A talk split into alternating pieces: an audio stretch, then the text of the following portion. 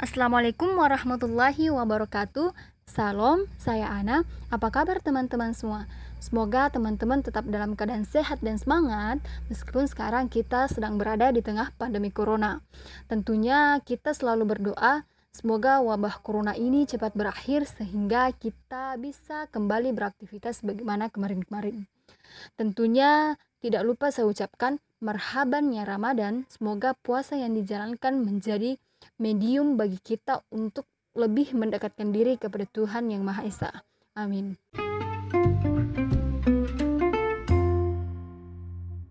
Teman-teman, selamat datang di podcast KMN Kota Makassar. Eh, podcast kita kali ini akan membahas tentang perempuan, bumi, dan buku. Kenapa perempuan, bumi, dan buku? Itu karena kemarin kita memperingati Hari Kartini, yaitu tanggal 21 April kemudian Hari Bumi, dan yang terakhir Hari Buku Sedunia. Nah, dari tiga hari besar ini dapat kita tarik menjadi tiga kata yang mempunyai hubungan yang sangat menarik, yaitu perempuan, bumi, dan buku. Kali ini kita akan mendengarkan salah satu teman kita, yaitu Kak Titania Ramadanti atau yang akrab disapa Kak Nyanya. E, Kak Nyanya ini adalah salah satu kader dari Kesatuan Mahasiswa Nusantara uh, Kak Nyanya akan bercerita tentang bagaimanakah uh, sosok Ibu Kartini ini dan apa yang bisa kita petik sebagai perempuan dari perjuangan atau semangat Kartini ini. Langsung saja kita dengar cerita dari Kak Nyanya.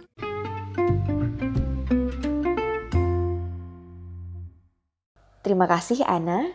Halo teman-teman semua. Berbicara tentang Kartini dan perempuan, Kartini kita tahu adalah seorang perempuan yang pemikirannya melampaui zamannya. Ia hanya bersekolah hingga usia 12 tahun karena harus masuk dalam pingitan sebagaimana adat yang berlaku saat itu. Di dalam pingitan, ia membaca banyak buku, termasuk dalam bahasa Belanda. Ia memang fasih dalam bahasa Belanda. Melalui bacaan dan penyaksiannya, dengan kehidupan di sekitarnya, Kartini mulai menyadari ketertindasan yang dialami bangsanya. Karena penjajahan Belanda, karena adanya perbedaan kasta antara bangsawan dan pribumi, dan khususnya keterbatasan akses pendidikan kaum perempuan. Di usia 14 tahun, Kartini telah menerbitkan tulisannya di dalam salah satu surat kabar milik Belanda. Meskipun mengatasnamakan nama ayahnya yang saat itu menjabat sebagai Bupati Jepara. Semasa hidupnya, ia juga melakukan surat menyurat dengan sahabat-sahabat penanya di Belanda. Surat-suratnya berbicara tentang banyak hal. Terlihat bahwa Kartini adalah seorang pembaca yang komprehensif. Konon ia senang membuat catatan saat ia membaca. Kartini tidak hanya berbicara tentang perempuan saja, tetapi juga tentang kemajuan bangsanya dan kemanusiaan secara universal. Kepeduliannya pada pendidikan kaum perempuan berangkat dari kesadarannya bahwa perempuan dan ibulah yang akan membantu meningkatkan kualitas bangsanya dan kualitas kemanusiaan. Di dalam salah satu suratnya kepada Nyonya Abendanon, Kartini juga berbicara tentang pluralisme. Dia mengatakan bahwa agama seharusnya menjadi jalan untuk mengenal Tuhan yang Maha Penyayang dan Pengasih. Dan hendaknya Tuhan diperkenalkan sebagai Bapak semua makhluk, orang Kristen maupun Islam, Buddha, Yahudi, dan sebagainya. Kartini adalah perempuan cerdas. Suatu waktu dia mempertanyakan tentang arti dan makna ayat-ayat yang ada di dalam kitab suci Al-Quran. Kalau kita nonton film Kartini, tahun 2017 diceritakan bahwa ia sempat bertanya pada Kiai Soleh Darat yang ia temui pada satu pengajian. Ia bertanya tentang apakah ada ayat yang berbicara tentang menuntut ilmu dan apakah perintah menuntut ilmu itu hanya untuk laki-laki saja atau juga untuk perempuan. Kiai Soleh Darat menjawab dengan mengangkat ayat pertama, yaitu ikro, artinya bacalah. Konon sejak itu Kartini mulai tertarik untuk mendalami agamanya. Salah satunya melalui kitab-kitab yang dihadiahkan oleh Kiai Soleh Darat kepada Kartini. Nah, kita bisa melihat betapa usia Kartini yang begitu muda di tengah adat yang mengekang kaum perempuan, di tengah akses yang tidak semudah zaman sekarang, ia sudah mulai memiliki pemikiran yang luas dan keinginan untuk berbuat bagi bangsanya. Itulah beberapa hal yang penting untuk menjadi inspirasi bagi perempuan Indonesia saat ini. Perempuan memang perlu turun ke dalam ranah sosial untuk bergerak sekecil apa pun dalam memajukan bangsa dan peradaban.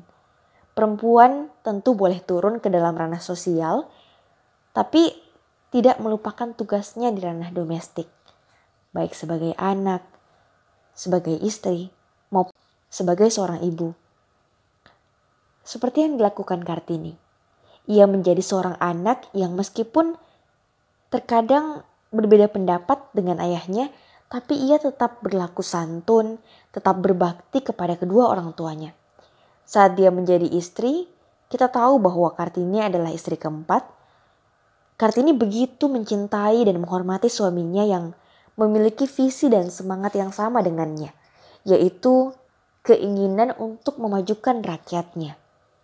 Kartini sempat menginisiasi pengajaran bagi anak-anak perempuan di sekitar pendopo. Ia juga menyempurnakan sisi keperempuanannya dengan menjadi seorang ibu yang melahirkan seorang anak sebelum kemudian wafat di usia 25 tahun.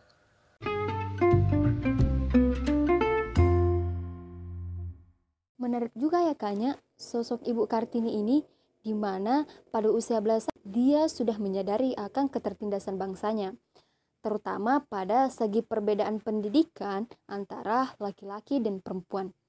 Yang menarik lagi ketika Ibu Kartini menyadari bahwa perempuan atau ibulah yang akan membantu meningkatkan kualitas bangsa atau kualitas kemanusiaan.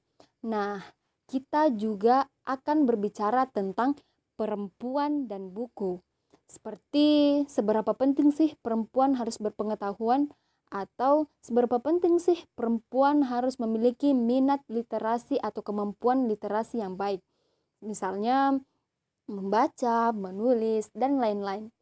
E, sebagaimana kita ketahui bahwa ada saja orang yang berpikir kalau perempuan itu tidak perlu untuk e, berpengetahuan atau berpendidikan karena ujung-ujungnya perempuan akan kembali menjadi ibu rumah tangga. Nah, bagaimana menanggapi hal itu Kanya?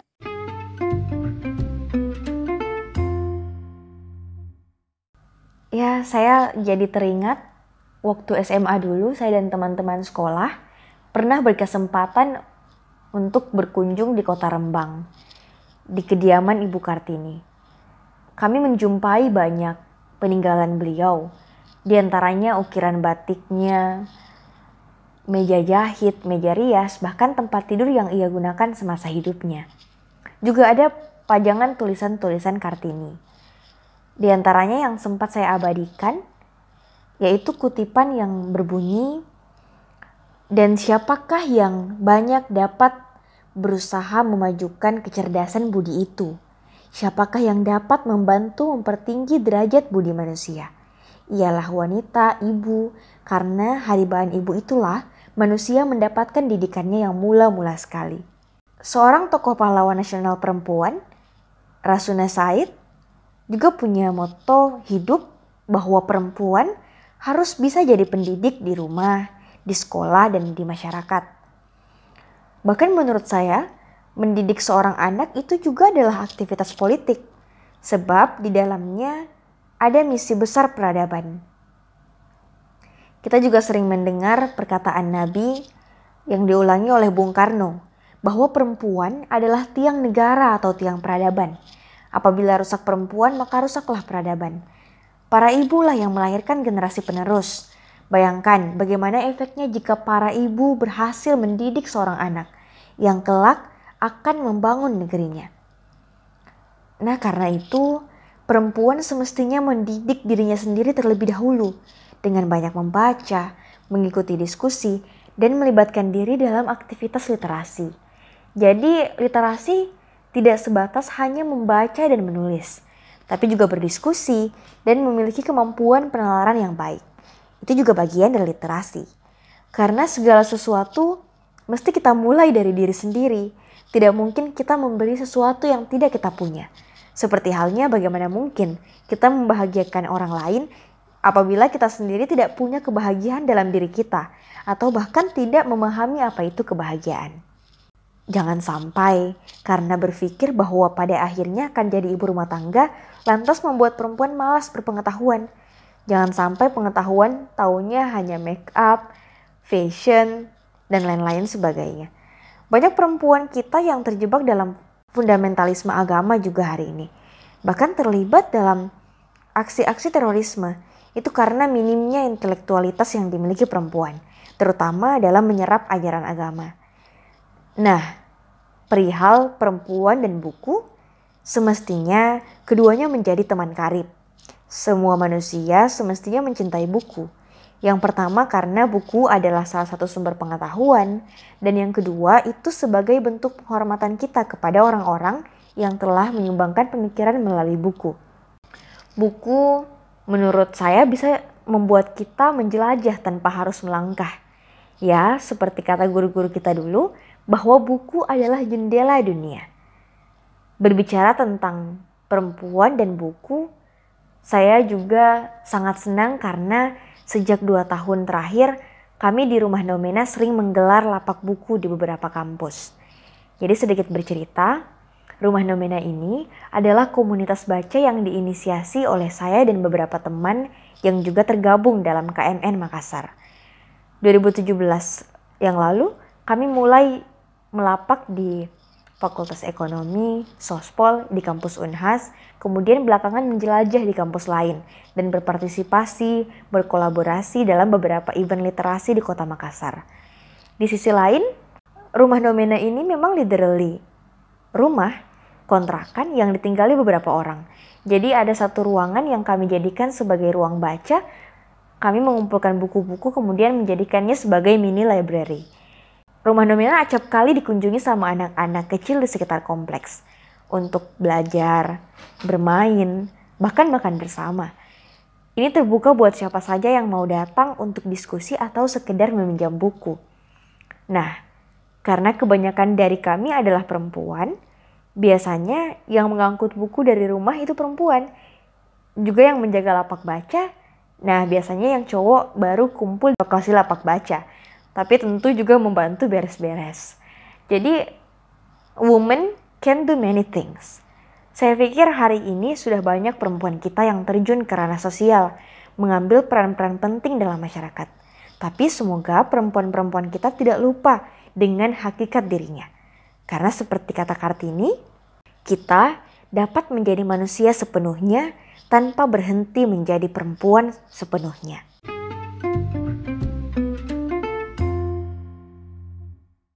Wah, keren juga ya kaknya. Di mana perempuan ini memiliki peran ganda, terus dia juga sebagai madrasah utama bagi e, anak-anaknya. Nah, pertanyaan saya begini kaknya, apa hakikat dari perempuan e, sehingga perempuan ini dikatakan sebagai tiang negara atau penyusun peradaban? Dan apa kaitannya antara perempuan dan bumi? Karena sering kita dengar ke bumi pertiwi, ibu pertiwi, dan apakah uh, ada hubungannya dengan hakikat perempuan.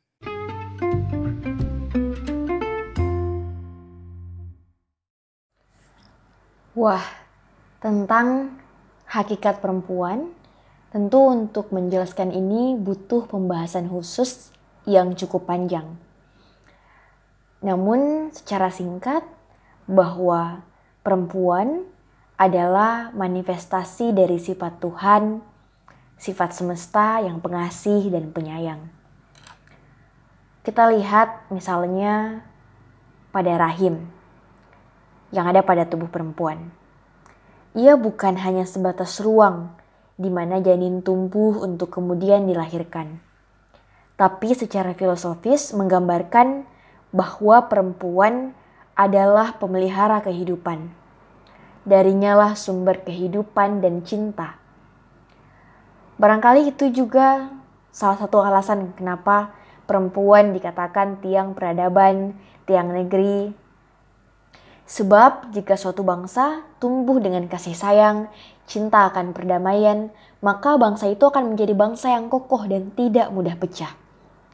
Faktor terpenting dari hal ini adalah kehadiran perempuan sebagai pendidik bagi generasi-generasi penerus. Ya, seperti yang tadi saya katakan, hari ini berkembang paham-paham eksklusivisme, ekstremisme, ujaran kebencian yang berlalu lalang di media sosial. Maraknya juga kasus pembunuhan. Itu karena salah satunya kurang sifat saling menyayangi dan saling berempati di antara sesama manusia.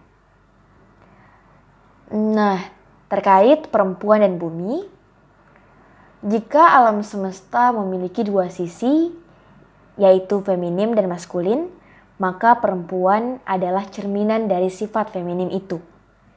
Kita bisa membaca konsep penciptaan alam semesta dalam filsafat Tionghoa, Taoisme, berkenaan dengan yin dan yang. Yin digambarkan seperti perempuan dan yang adalah laki-laki. Di mana yin dan yang adalah dua hal yang tidak terpisahkan bahkan saling melingkupi. Yang dengan ini alam semesta bisa bergerak seimbang. Di dalam kitab suci juga dikatakan bahwa segalanya diciptakan berpasang-pasangan. Langit dan bumi, perempuan dan laki-laki. Kalau kata Jalaluddin Rumi, seorang sufi, katanya perempuan adalah bumi dan laki-laki adalah langit. Apa saja yang diturunkan atau diberi oleh langit akan diterima dan dijaga oleh bumi. Kita juga sejak dulu akrab dengan istilah ibu pertiwi, motherland, atau istilah lain yang artinya adalah tanah air, tempat asal kita. Memang dalam ajaran Hindu ada yang dikenal dengan ibu bumi atau Dewi Pertiwi. Dan dikenal juga Bapak Langit atau Bapak Angkasa. Banyak pemikiran dan kebudayaan yang menggambarkan bumi itu seperti perempuan. Bahkan ada satu aliran yang berkembang di dalam feminisme yang menyebut dirinya ekofeminism. Tentu ini butuh pembahasan khusus juga. Tetapi pada intinya, perempuan dan bumi memiliki banyak kesamaan. Perempuan atau ibu adalah mata air kasih sayang. Sejak di rahim, melahirkan, kemudian merawat kita. Sedangkan bumi, ia tak henti-hentinya memberi kehidupan, menumbuhkan tanaman, menjadi sumber mata air, hingga entitas-entitas di atasnya bisa melangsungkan kehidupan. Tentu perlu pembahasan yang lebih dalam tentang ini semua. Semoga kita bisa belajar sama-sama di kesempatan yang lain.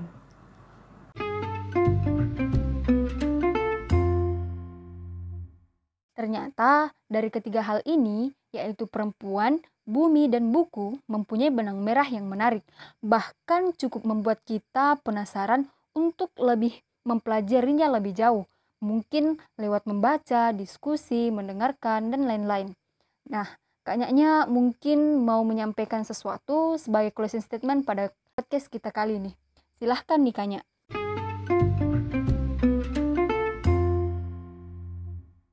Ya, perempuan, bumi, dan buku, tiga hal yang begitu istimewa. Ketiganya adalah sumber kasih, sumber kehidupan, dan sumber pengetahuan. Perempuan harus belajar mengenal dirinya, karena itu yang akan menentukan bagaimana ia memaknai dan menjalani kehidupan. Bahkan hingga bagaimana kita menentukan teman hidup kita. Wait. Dan perempuan juga punya peran penting dalam merawat bumi dengan hal kecil seperti membuang sampah pada tempatnya kita bisa memulai dengan mengurangi penggunaan sampah plastik juga dan menghemat listrik hingga menanam tanaman di pekarangan rumah. Dan terakhir, perempuan jangan lupa membaca karena begitu banyak hal yang menanti untuk kita pelajari. Perempuan Indonesia harus cerdas biar anak-anaknya kelak juga cerdas, kemudian cucu-cucunya. Lalu cicit-cicitnya juga, begitu seterusnya. Hingga nanti masyarakat kita tumbuh lebih bersahaja.